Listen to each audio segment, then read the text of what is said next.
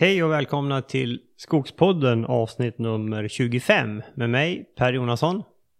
Och Bo Jonasson. Min far, precis. Ja Bosse, nu sitter vi mitt i sommaren, sitter vi i ett somrigt Bergslagen och vi har fullt upp med att skörda våra bär. Ja, skördetid i, bland bärbuskarna, det är det verkligen. Röda vinbär, svarta vinbär, krus, krusbären är riktigt fina i år. ja. ja. Men det var inte den skörden vi skulle prata om i det här avsnittet. Nej, nej.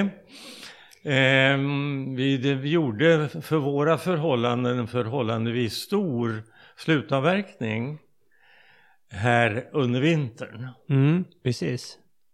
Och vi pratade om den redan i podd nummer 15 i december 2016. Ja. Men då gällde det förberedelserna inför den avverkningen. Mm. Eh, och nu har vi slutresultatet.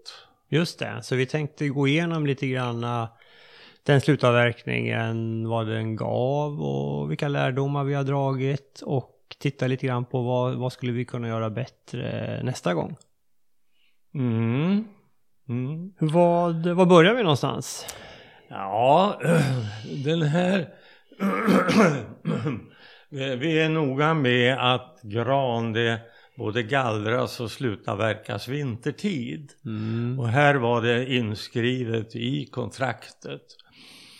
Eh, I försäljningskontraktet var det inskrivet att det skulle ske under januari och februari. Mm. Och det blev så att avverkningen, skördaren, startade den 3 februari och var klar den 3 mars. Ja, det tog en månad. Det tog en månad men det höll sig inom tidsramarna utom tre dagar i ja, mars då. just det. Eh, skotaren var klar den 6 mars. Ja. Eh, och allt det här gick bra som vanligt får man väl säga. Så duktiga, kompetenta maskinförare, bra grejer Mm. och gynnsamma förhållanden faktiskt. Vi hade, vi hade lite tur med vädret, för det var ju perioder under vintern när det, när det inte var så kallt. Men det, det, var, det var kallt nästan hela tiden under den här perioden har jag för mig. Ja, dagstemperaturerna var ju över noll. Men bara några få dagar över plus fem. Mm. Och sen var det nattfroster. Just det. Så att det, här- det här var bra alltså. Ja. Det, marken var eh, ganska frusen. Det var i alla fall lite stelt i ytan. Mm. Och, och markskadorna är, som jag ser det i alla fall, helt obetydliga. Mm. Trots att det ingick en del blötmark i det här. Ja. Där var vi ju, vi har ju en väldigt fin eh, bäck som rinner igenom det här och en källa och där hade vi ju gått igenom innan väldigt noga med att man eh, inte fick köra för nära bäcken utan eh, gå så långt som möjligt ifrån och, och, och gå in med armen då för att kunna nå. Och, och naturligtvis inte, inte korsa bäcken. Överhuvudtaget så gjorde vi ju väldigt noggranna förberedelser. Bland annat när det gällde den här källan och bäcken. Mm. Att inget av det fick ju skadas på, på minsta sätt. Alltså. Nej. Och, vi kommer ju att städa upp för hand efter det att groten nu har skotats. Den kommer att skotas i augusti. Mm. Eh, och efter det så kommer vi att göra en del jobb för hand för att verkligen rensa upp det här. Ja, Eventuella rester som ligger i bäck och, och källa. just det. För det här, den här bäcken och även källan, det är små pärlor i skogen faktiskt. Ja. Den här källan, eh, den är alltså är den en och en halv meter i diameter. Och det är vatten som är helt klart och blåaktigt. Faktiskt. Och eh, där står alltid, alltid vatten. Källan eh, har använts av de boende i byn där eh, länge. Eller förr i tiden snarare. Ja. Den säkraste vattentäkten i byn Mm. När allting annat torkade ur så kunde de hämta vatten i den här källan. Ja, den är ju den är så vacker också. Ja. Och eh, jag mätte alltså pH-värdet eh, på 1970-talet i det här. Och jag kommer ihåg att det var pH 7. Ja. Alltså neutralt. Ja. Och de som bodde i närheten berättade att på 1940-talet när de hade flyttat dit så var det här en ganska gles skog som omgav den här bäcken. Mm. Och längs bäcken så växte det blåsippor. Jaha. En- kalkindikator. eh. En bra kalkindikator. Ja. Ja. Det finns ju mycket kalkbrott och dylikt. Någon eh, knapp mil norrut.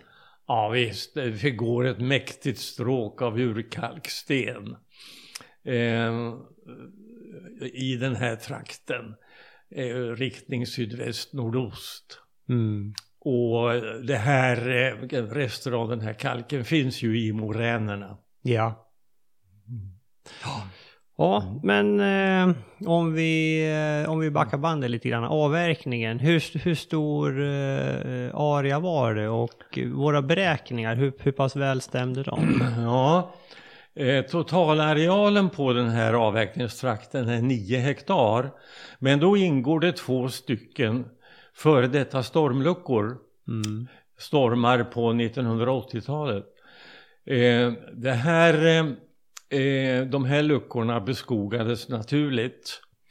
Eh, så att där står nu granskog som är någonstans mellan 5 och, och, och ja det finns träd upp till 13 meter. Mm. Och de här har ju skonats då vid den här avverkningen. Så att eh, det, det blir ganska fina inslag i det här. Avvikande miljöer, avvikande ålder och utseende. Mm. Mm. Eh, men som sagt, eh, så då återstår det 8,3 hektar. 8,3. Mm. 8,3 hektar som, som blev hygge.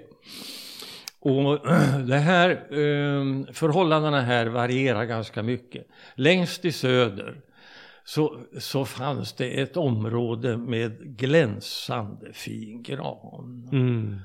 Mycket, mycket fin och, och småkvistig gran. Mm. Och eh, trädhöjder på 30 meter och över det. Mm. I det området stod det två stycken tallar bredvid varandra som båda var 34 meter. Det är högt. Det är högt. Det är riktigt högt. Ja. Eh, större delen av området det var dock ändå ja, ganska vanlig bergslagsskog. Blandat tall och gran. Eh, inte några märkvärdigheter egentligen. Nej. nej. Längst i norr så var det faktiskt ett område ungefär ett hektar stort som var med ståndortsindex T20. Ja.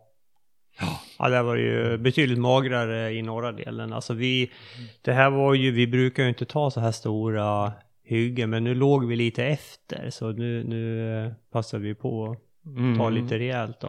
Ja, ja. Eh, En del av det här området är ju också försumpat. Ja. Ren torv i marken alltså. Mm. Säkert åtminstone fem decimeter torv ovanpå moränen. Mm. Och eh, vi gjorde ju en hel del beräkningar då på alltså mina sidor, det här eh, laserskannade materialet där man kan gå in och mäta volymen. Mm, mm. Och den siffran sades i podden då ifrån eh, december 2016. Det vi kom fram till var 375 M3F UB per hektar. Ja. 375. Och det är lite roligt att kunna konstatera nu att resultatet av det här, det blev att det stod inte 375 men väl 367. Det är ju väldigt nära. ja, ja, det är så nära man kan komma. Ja. Alltså. Alltså det är ju fantastiskt bra det här laserskannade materialet. Ja, man kan ha väldigt mycket nytta av det. Alltså. Ja. Nej, vi mätte ju en hel del och det man får komma ihåg då att man räknar upp tillväxten ifrån det året som det är fotograferat eller skannat. Ja, just det. Just det. Fräslagsfördelningen Ja. på det här. Mm. Det är 33 procent tall, 66 procent gran och 1 procent löv. Mm. 2 procent blev vrakat vid, ehm, ja, eh, alltså summa 2 procent eh, nedsättning och vrak va? Ja. Eh, vid inmätningen. Och då är det, jag antar att röta i granen är det främsta eh, eller bidragande till de här två procenten? Ja, ja. ja. Men rötan var alltså eh, lägre än förväntat. Mm. För av den totala eh, andelen gran så blev en procent blev eh, bränsleved. En procent, ja det är ju inte mycket. Det är väldigt lågt. Ja det är alltså. jättelågt. Det finns ju någon generell eh, siffra på vad man räknar med att, alltså granrötan. Ja, ja, Jag kommer inte ihåg det nu. ja, nej, det finns åtminstone någon forskningsrapport som vid ett tillfälle här för några år sedan sa det att av granarna i Sverige är 14 procent rötskadade. Ja, just det. Ehm, eh, Så en procent är ju väldigt, det är ju väldigt eh, bra. ja, och vi ska säga det att den här skogen var ju 115 år gammal. Ja, just det. Och mig veteligt så är det bara avverkat i den en gång. Jaha. Och det var 1982-83. Då det här höggs igenom. För att då, då var, det stod väldigt mycket undertryckt och halvdött i den här skogen. Då, Men var det då ni köp, du köpte den eller? då hade vi nyligen köpt det. Ja, Vi köpte det 80 1982. 82.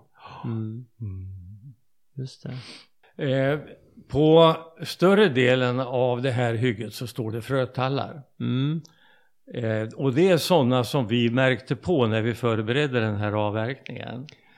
Totalt är det 265. mm, Och, tot- och utslaget på den totala hyggesarealen så blir det bara 38 per hektar.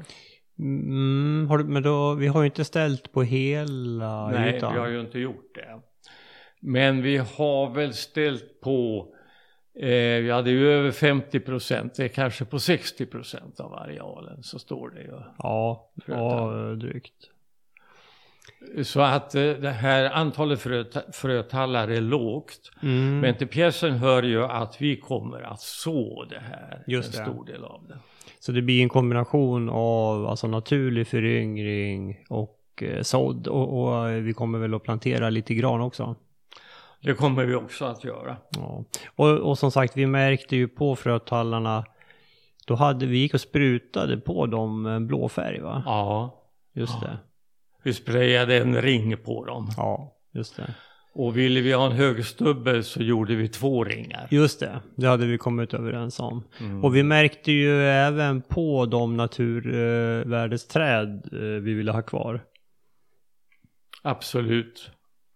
Det gjorde vi. Vi gjorde överhuvudtaget en väldigt noggrann planering. Men det tog inte särskilt mycket tid. Nej, det, det gjorde det väl inte. Nej, det som tog lite, det var, det, men det var ju vi själva. Vi, vi ändrade ju volymen lite grann. Vi började ju ganska smått och sen gjorde vi ytan större. Så vi var ju, vi var ju där ganska många gånger och rekade. Mm. Men, men, eh, Mm.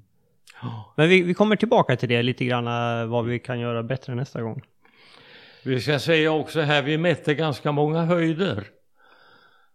Ja, det är- Eh, Det tycker jag är väldigt värdefullt att, att lägga ner det jobbet. Så då har man alltså faktiskt för all framtid så har man ju eh, ståndortsindex och bonitet på det här. ja. Nej men det är ju perfekt att föra in i skogsbruksplanen sen. Och på de tallar vi mätte så blev medelhöjden 27,9 meter. Och de granar så blir det 27,8 meter. Ja. Ja, det är högt. ja. Aha. Ja, det var ju... Jag var ju, jag åkte ju med i skördaren ett par gånger och det är ju mäktigt när de fäller de här uh, 30 meters uh, granarna eller tallarna. Det, Mm. det susar ganska uh, ordentligt i luften. Mm. Eh, kvaliteten på den här skogen, jag skulle säga att, att med mitt sätt att bedöma det så, så var det ganska medelmåttig kvalitet. Det fanns eh, förhållandevis få kvistrena rotändar på tallen. Mm. Eh, och, och granarna, ja det, det bästa det, det var eh, sådär. Ganska kvistigt egentligen. Utom just det här som jag nämnde tidigare, en fläck. Eh, arealen en knapp hektar. Där grankvaliteten var fullständigt bländande alltså. Den Mm. var så fin alltså. Den var Mm. så rak och så lång och skogen var så tät. Ja. Ja, mm, verkligen fina saker. Um, jag har faktiskt la ner en stunds arbete på att titta på klassificeringen vid inmätningen. Eh, eh, det blev alltså, i tallen så blev det 16 procent klass 1. Det är ju rotstockarna ja. Det är ju rotstockarna. Mm. Och 76 procent klass 2 och 3. Mm. 1 procent klass 4. Det här klass 1, det är ju alltså rotstockar, ja. Men eh, också får grövsta kvist vara 20 millimeter. Mm. Och det får vara fem sådana på stocken. Det är ju i stort sett bestämmelserna för klass 1. Och när det gäller gran så var det det var alltså 4% klass 2 och resten klass 1. Ja. Oj. Det är alltså gran. Ja. Så. Vad eh, kommer det här att användas till? Eller vad, vad sågas det till ska jag säga? Alltså... Ja, en, eh, en del plywoodtimmer togs ju ut men det, det är inte särskilt stor del. Eh, Det var ju de här lite, de, är ju alltså korta och grova sågades det upp till då. Och det kommer alltså att eh, det svarvas till eh, alltså plywoodskikt då som man limmar ihop sen. Ja, svarv, svarvas till faner som Mm. sen limmas ihop till plywood. Just det. Ja visst. Eh, I övrigt så, så är det plank och brädor och Ja. alltihopa. Sågtimmer, ja. Ja, som ingår i den nya trähustrenden får vi hoppas. Ja, och det, det där kanske vi kommer att se i Årsta. Läste du om det Bosse? De ska ju, alltså hela Årstafältet ska ju bebyggas i Stockholm och det blir i trä. Det, det gör det. Ja, det stod i tidningen i häromdagen. Det gjorde det. Jäkligt kul. Ja. Årstafältet är alltså södra Stockholm? Ja, just det. Inte så jättelångt ifrån där jag bor. Nej. Ja, det är ett stort öppet fält där och som ska bebyggas med... Ja, det är ju är stort alltså. Det blir ju många bostäder och då har man eh, beslutat att eh, det där kommer att ske helt i trä. Ja. Och det kanske det är kanske den eh, kicken som träbyggnaden behöver i Sverige för att få lite Ja. fart på det. Ja. ja, det händer ju förvånansvärt mycket. Eh, här på, nu under sommaren har det ju kommit den där nyheten att Stora Enso då startar, eh, bygger den här fabriken i Gruvön Mm. för det här eh, Kol, eh, koltimmer alltså. Ja, Mm. ja just det. Mhm. Ja, ja det är skojigt. Ja, Ehm, så det var den ja, volymen. Det här där, ja. hy, hygget, det eh, var ju, fick ju hyggesgränserna mot öster. Mm. Vi är ju noga med det här att, att inga öppna sårbara hyggesgränser mot väster. Eh, det här är ett, ett långsmalt hygge, helt öppet mot öster. Sen råkade det ju komma då starka östliga vindar i månadsskiftet juni-juli i år. Mm. Varför vi fick ett antal vindfällen. Det fick vi. Och på frötallarna. Ja, ja, ja. Eh, frötallar och hyggeskanten. Ja, och naturvädersträd också. Ja, just det. Eh, så att här fick vi lite extra jobb och extra kostnader Mm. att upparbeta det här. Men det ligger vid väg nu så att det, det ska vara. Eh, jobbet är klart. Där är ju alltid en risk när man ställer kvar frötallar förstås. Men det är ju... Den risken får man ju ta. Ja, ja, Nu, nu var det ju lite... Det är väldigt sällan det är så starka östliga vindar. Men... eh, ja. Och, Men det förekommer ju. det förekommer ju. Ja. Men det var ju alltså av de tallar som föll. Så var det väl bara någon på fastmarken. Ja, Var det det var summa en som stod på, på morän. Ja. Ja. Resten var nere i den här blötmarken. Mm. Just det. Eh, samtidigt eh, som vi upparbetade det här så undersökte vi även hyggeskanter ifrån 2007. Eh, för det, det är också, de ligger också e-, exponerade mot öster och norr faktiskt. Eh, men, och, och det var åkergran som alltså avverkades 2007. Och där har vi både i den, den eh, hyggeskant som vetter mot norr och den som vetter mot öster. Vi har inte haft några, några stormfällningar alls där.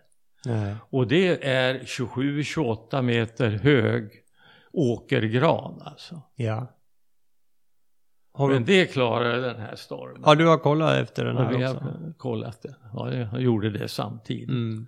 För när vi, vi mobiliserade en skördare och en skotare för att Mm. upparbeta det här. Mm. Nu var det inte särskilt många träd. Jag tror att det var totalt cirka 30 träd. Ja, ja.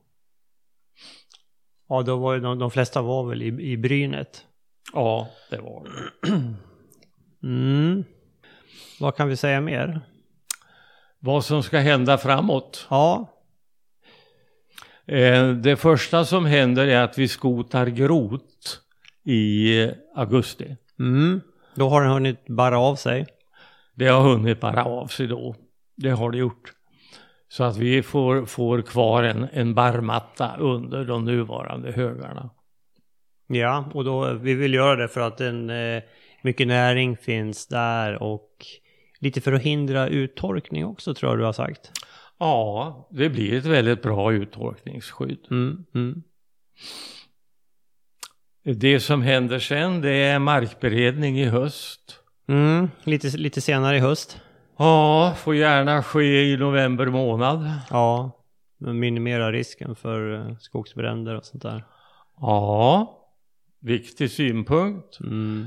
Plus att det då, då blir mindre fröspridning ifrån, eh, ifrån gräs Just det. exempelvis som finns på hygget. Det är ju naturligtvis viktigt. Alltså ju senare du blottlägger jorden ju mindre risk för, för frön då som börjar gro till våren ja. Mm. Ja visst.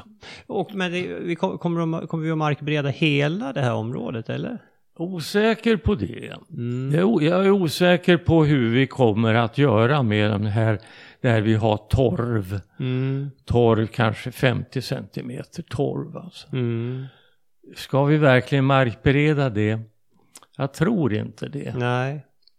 Eh, det- här skulle, om vi lämnar det helt och hållet, det skulle utan tvivel eh, självföryngras Mm. på ett antal år. Men, men frågan är ändå, det här fo- fordrar lite eftertanke. Mm. Mm. För det kommer in en sak till här och det är att vi må hända behöver skyddsdika delar av det här området. Ja. Och har vi då en grävare på plats så skulle man ju kunna tänka sig att den högla delar av det här hygget också. Ja. Och att man då kostade på sig att sätta en planta i de här högarna. Mm. Fullt tänkbar historia. Jag tänker mig så här att om det här naturliga, natur, föryngras naturligt så får vi en matta av gran. Och, och det här kan vara väldigt jobbigt alltså, väldigt jobbig röjning. Mm. Frågan är om man inte då är mera bekänt av att man lägger ner lite, lite, lite jobb på, på en plantering i de här högarna. Plantering av, av gran, Av eh, gran och sen då, ja. sådd av tall runt omkring. Ja, ja. Mm. Mm. Men det här, det här kräver faktiskt eftertanke. Mm. Men helt klart så blir det ju markberedning på en, eh, den, den fast, fastmarken, eh, den större delen. Fastmarken, fastmarken kommer utan tvivel att markberedas med harv. Och sen kommer vi där att eh, eh, plantera gran, må hända 1500 granar per hektar. Mm. Och sen sår vi tall mellan granarna. Mm. Och så, jag menar, det, åtminstone i de här lite magrare delarna i norr, jag menar, där, där kommer det bli övervägande tall. De här magra delarna längst i norr, det, där ståndortsindex är T20, där blir det bara sådd av tall. Ja. Och sen ju längre söderut till lite bördigare så blir det mera gran då. Ja. Mm. Mm. Mm. Och källan då? Ja, källan ska vi göra någonting fint av. Ja. Ehm, och jag tänker mig hassel. Ja. Hassel som dominerande träslag där. Ja. För det är ju som en liten naturlig glänta där den ligger. En liten Ja, det är det. gräsfält. Mm. Som vi naturligtvis har sparat. Ja. Ja, nej men lövträd ska det vara. Mm. Och hassel får gärna dominera alltså. Mm. Eh, hassel reagerar ju gynnsamt på kalk. Mm. Ja. Det är vackert. Ja. Ja. Ja, synd att vi inte kan återskapa de där blåsipporna som fanns där efter bäcken på 1940-talet. ja. Och en sak som vi kommer att göra här, det är att efter barkberedningen så är det väldigt givande att gå de här markberedningsfårorna, några markberedningsfåror upp och ner och kolla uppfrysningen under hösten. Mm. Eh, för att är det så att man får den här pipkrakebildningen, alltså de här isnålarna i mineraljorden, då ska man vara försiktig med att så. Mm. Och det kollar man bäst då, alltså sen höst då? Ja, När det börjar bli kallt på nätterna? ja, Ja. ja. ja. Okej. Det, det är viktigt. Alltså. Ja. Ja men det är ju bra tips. Eh, vi kommer inte att göra en hyggesrensning här. För det gjorde vi före avverkningen. Mm. Genom att underröja. Det gjorde vi ju ganska ordentligt. Det var ju Ja. inte så mycket jobb. Nej. Det var inte så mycket. Mm. Vi sparade ju ett antal, fem, sex, sju områden som, som vi markerade där det, där det kom gran underifrån, alltså smågran. Ja men visst. Eh, och de har ju sett lite ljusgula ut under sommaren. Det var alltså etablerad underväxt un, under, eller i, i glesheter kanske vi ska säga, Ja. i, i granskogen. ja.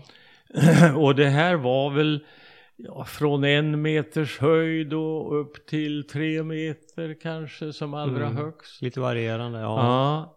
Och det här eh, la vi ner lite arbete på då. Eh, att fälla ut träden ifrån de områdena. Just det. Eh, och de står där nu och, och ser naturligtvis lite chockade ut. att plötsligt komma ut i, i solen efter årtionden i skugga. Ja. vi får se vad som händer. Vi följer det där får vi se. Ja, och, och det kan ju vara ett tips för andra skogsintresserade att åka dit. För det här ligger på vägkant, det är bara att Mm. man kan sitta kvar i bilen och, och titta ut på det här. Om man vill. Ja. Mm. Ja men det är ju absolut, man kan komma och titta. Vi har, till, vi har gjort några sådana här, uh, vi gjorde ju en insektsfauna också. Det är ju ganska mycket död, eller väldigt mycket död ved som ligger där. Eh, för det var ju ett antal träd som hade dött och som stod där. Och, så det är väldigt mycket död ved där, så insekterna trivs ju bra. Och så vi skapade ju till och med några sådana miljöer också där vi la upp och staplade. Jag hade ju varit i den här äh, fina eklandskapet i Linköping där, där de har gjort sådana här. Så vi försökte ju hitta på något liknande. Mm. Mm. Ja, får se hur det blir. ja eh, Bosse, ska vi, har du mer eller ska vi en, li, lite grann, uh, vad är det vi kan, uh, vad, vad kan vi göra bättre till nästa gång? Eller har du mera slutsatser att dra? Eh, jag ska säga något, något mer om det här med att beskoga de här torvområdena, de här blötmarkerna i det här alltså. Eh, eh det, nej, jag tror egentligen inte, inte, definitivt inte, inte mycket på det här med markberedning där alltså. Nej. Just i sån här torrmark så kan man ju få väldigt mycket uppfrysning alltså. Kanske ska man försöka behålla det här mosstäcket och kanske till och med köra där med låta markberedningen, markberedaren gå fram och bara packa till mossan i stråk. Och sen så i det. Mm. Tror du man behöver packa till det då? Just i, alltså har man Ja, vit, vit mossa, det är väl eh, tacksamt för självföryngring generellt? Ja, jo men visst är det så. Ja, eh, på skogen finns det ett litet bestånd. Som vi har sått utan att markbereda. Mm. Bara gick i spikraka stråk och la ut tallfrö. Ja, Och, och det här blir skog alltså. det blir det. Ja, det här blir skog. Var, var det mossa då? Ja, det var, det, det var eh, liknande det här hygget. Eh, kanske lite mindre frodig mossa. Ehm, men eh, eh, erfarenheten från det borde kunna vara tillämpligt här också. Alltså. Ja. Det, det, är, det är någonting som, som vi, vi får titta på och tänka och kanske prova på någon liten bit. Mm. Man ser ju rätt snabbt när fröna gror. Ja, det gör man. Mm. För vi, vi vill ju ha upp eh, åtminstone 8000 plantor per hektar. Ja, det vill vi. Det finns ju en hel del älgar. Mm. Mm. Mm. Ja, vi skulle prata om vad som kunde göras bättre. Allting vi gör idag kan vi göra bättre imorgon, sa ju Herman Sundqvist. Och det är ju svårt att säga emot. Ja, Vad har vi lärt oss? Vad kan, vad kan vi göra bättre nästa gång? ja. Skulle vi ha haft flera fröträd? Kanske. Vi var ju, vi, vi, kom, vi gjorde ju, vi märkte på, sen gick vi och kompletterade. Så vi låg väl lite lågt från början. Mm. Nej, det är att komma ihåg här, de här fröträden är ju inte avsett som Nej. enda, enda beskogningsmetod. Utan det här kompletterar ju den sådd och plantering som Ja. vi gör. Ja. Så det är väl ingen stor grej. Och fröträdställningen ser faktiskt för ögat väldigt bra ut. Alltså. Vi har ju valt fröträden med, med omsorg. Mm. Att det skulle vara hyggliga kronor och att det skulle vara träd av ganska hygglig kvalitet i alla Ja. fall. Just det. Och där är vi ju som sagt kronans storlek är ju viktig. Ja. För då, det är ju, då ger det ju mycket kott och frön. Mm. Jag tänker lite grann på det här vi pratade om. eh, Vi märkte ju på naturvärdesträd. De som skulle stå kvar då. Där kan jag tänka mig till nästa gång att vi blir noggrannare med att räkna. Så vi vet hur många vi har där.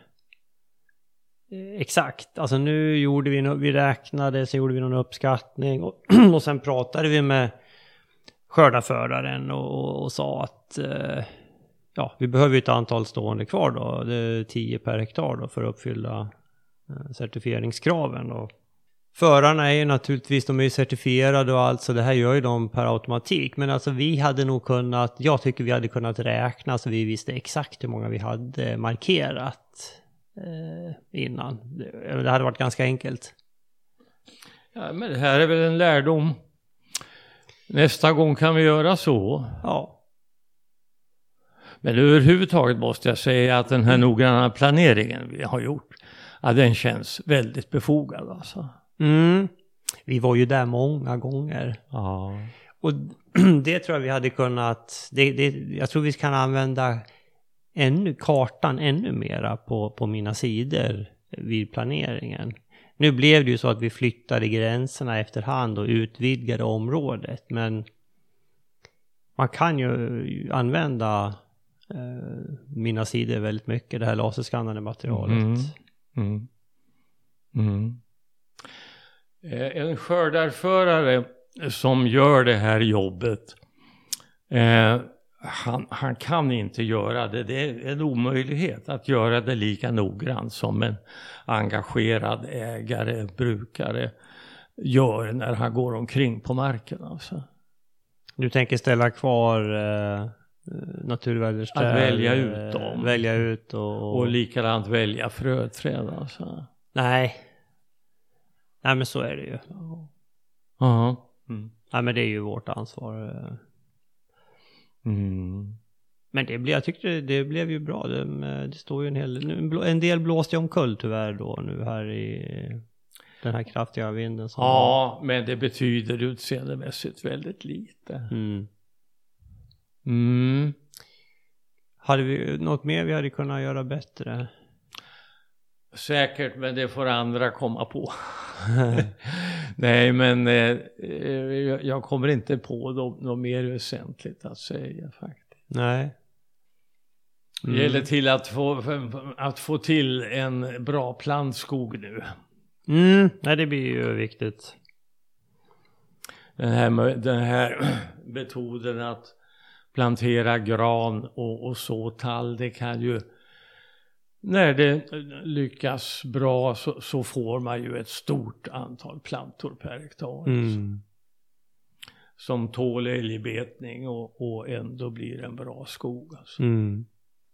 Ja, nej men det är väl, eh, det är väl en bra sammanfattning. Vi, vi tar ju med oss det här till eh, planeringen inför eh, hösten, vinterns eventuella avverkningar. Ja. Eh, situationen på marknaden är ju fortfarande den att det är gran som efterfrågas. Mm. Och vår önskelista, på vår önskelista står nu att vi ska kunna avverka tall. Mm. Men det vill vi inte göra i ett marknadsläge då tallkvaliteten inte betalas. Nej. Hur är det? För jag menar, eh, priserna på gran, de har fortsatt stiga lite grann va? Ja, det har nog stigit lite grann på tallen också. Men, men de avverkningar jag tänker på, de innehåller en förhållandevis stor andel kvistrena rotändar. Och vi vill inte realisera bort dem där, utan vi vill ha ett bra pris för det. Vi får eh, låta dem stå ett tag till. Ja, de tål ju att stå. Ja. Det blir en kvistren årsring till. ja, precis. Ja, absolut. Nej, men de kan ju stå lite till. Ja. Men vi har gran också så att det... det men eh, det, det vi verkligen vill göra i höst här så är det att gallra. Mm. För nu är vi i färd med att planera gallringar. Mm. Vi har ju nu, eh, vi håller på och stämplar för fullt. Ska Ja. ju fortsätta idag. Mm. Stämpla manuellt. Ja.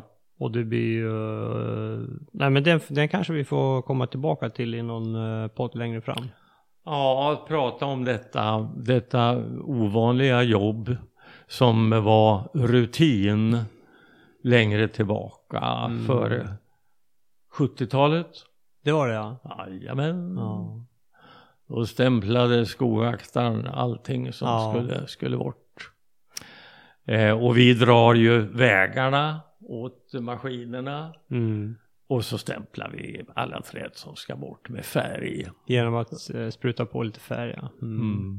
Och det här tar ju sin lilla tid har vi ju, eh, eller ja det, det visste vi ju innan, men det blir väldigt tydligt eh, när man går och gör det här praktiskt. Eh, ja, det är Ja. lite beroende på terräng och, hur det ser ut och så naturligtvis. Men, eh, och, och om den första eller andra gallring är också ganska stor skillnad. Den andra gallringen, då har man vägarna, men eh, en första gallring, ja det, det, det tar sin lilla tid. Och det är första gallringen som är så viktig. Ja. För blir den rätt då, då blir beståndet bra alltså. Ja. ja. Jo, alltså kvaliteten blir ju fantastiskt bra.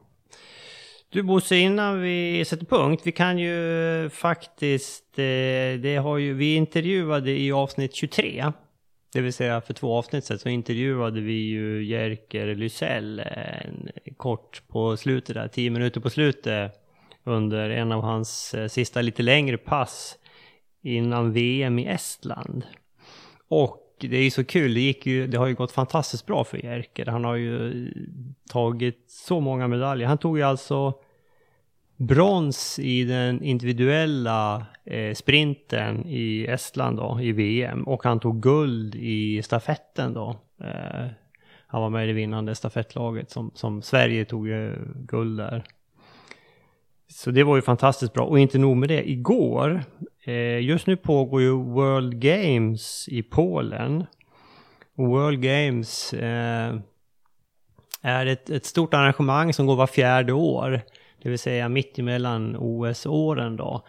Det är en, en, eh, Eh, ett arrangemang där sporter som inte är med i OS eh, har eh, sin egen eh, tävling då var fjärde år. Och där är orientering med. Och där vann eh, Jerker Lysell, han vann eh, guld i sprinten. Så grattis Jerker, riktigt bra jobbat. Fantastiskt. Har ni inte hört intervjun med honom i avsnitt 23? Lyssna på den, den, eh, den är bra, tycker jag. Ja. Ja, det är ju lite roligt att intervjun gjordes medan ni sprang sida vid sida. Ja, och där hör man ju hur jag flåsar medans eh, på Jerker hör man ju inte att han springer ens. Han har ju en fantastisk eh, syreupptagningsförmåga.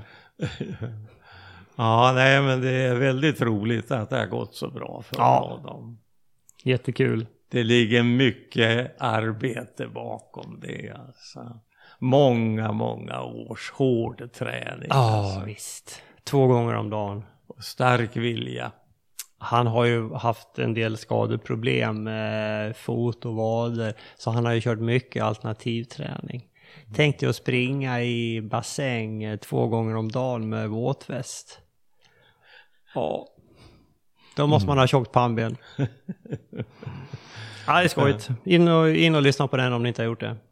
Mm. Ja, har vi något mer att säga Bosse innan vi rundar av?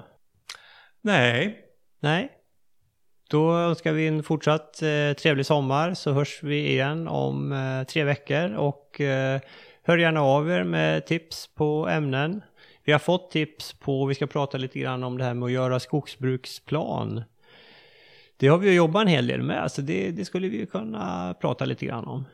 mm. Mm. Vi har ju fört över eh, våran eh, från en, en traditionell pappersvariant till en digital variant som, som jag tycker har varit eh, klart intressant. ja. Ja, vi får se om vi kommer tillbaka till det. Men eh, kom gärna med tips och idéer eh, på ämnen som ni tycker att vi ska ta upp. Okej, nej men eh, tack så mycket så hörs vi igen. Tack från mig också.